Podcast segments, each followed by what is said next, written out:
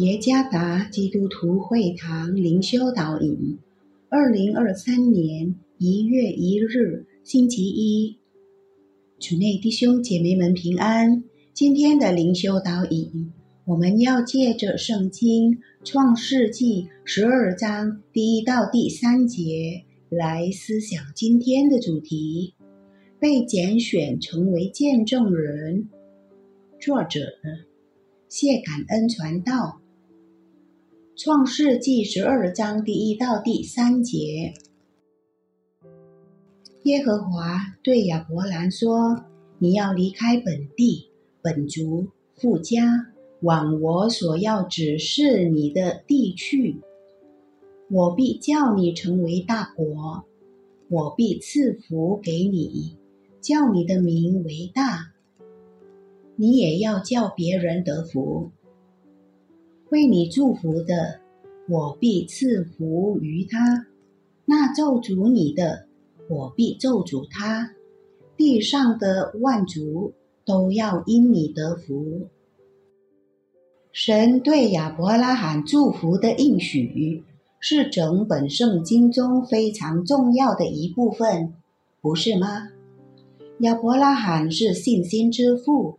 并且是神选民所有历史人物名单中的第一个人。神吩咐亚伯拉罕离开哈兰，前往神向他显示的应许之地。神告诉亚伯拉罕要与他在哈兰的亲戚分开，成为神特别的子民。神应许要祝福亚伯拉罕，甚至。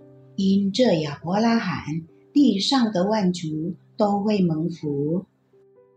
在亚伯拉罕愿意牺牲以撒，表明了对神的忠心之后，神再次向亚伯拉罕表明了他的应许。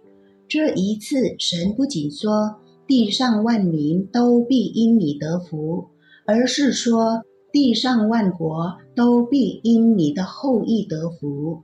创世纪二十二章十八节，神对亚伯拉罕的应许，当然是一个非常崇高伟大的应许。这个应许主要指两件事：第一，基督是从亚伯拉罕的后裔中诞生的；其次，亚伯拉罕的后裔成为一个接受上帝话语的国家。上帝使用他们的历史，成为他自己启示的媒介。透过亚伯拉罕的后裔，世界认识了上帝，认识了弥赛亚，并分享了上帝所应许的福。这个事实包含着一个非常重要的神学意义：神借着他选民的历史。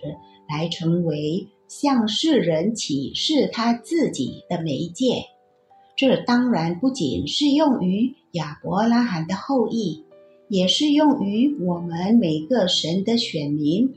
神也将使用我们的生命作为向世界宣告他自己的媒介。神拣选我们成为他的见证人。这是我们不能对自己的生活马虎的主要原因。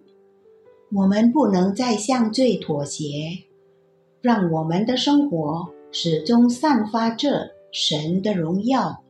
上帝也会要求我们更加忠诚，因为我们在世上的地位正是他的名誉的风险。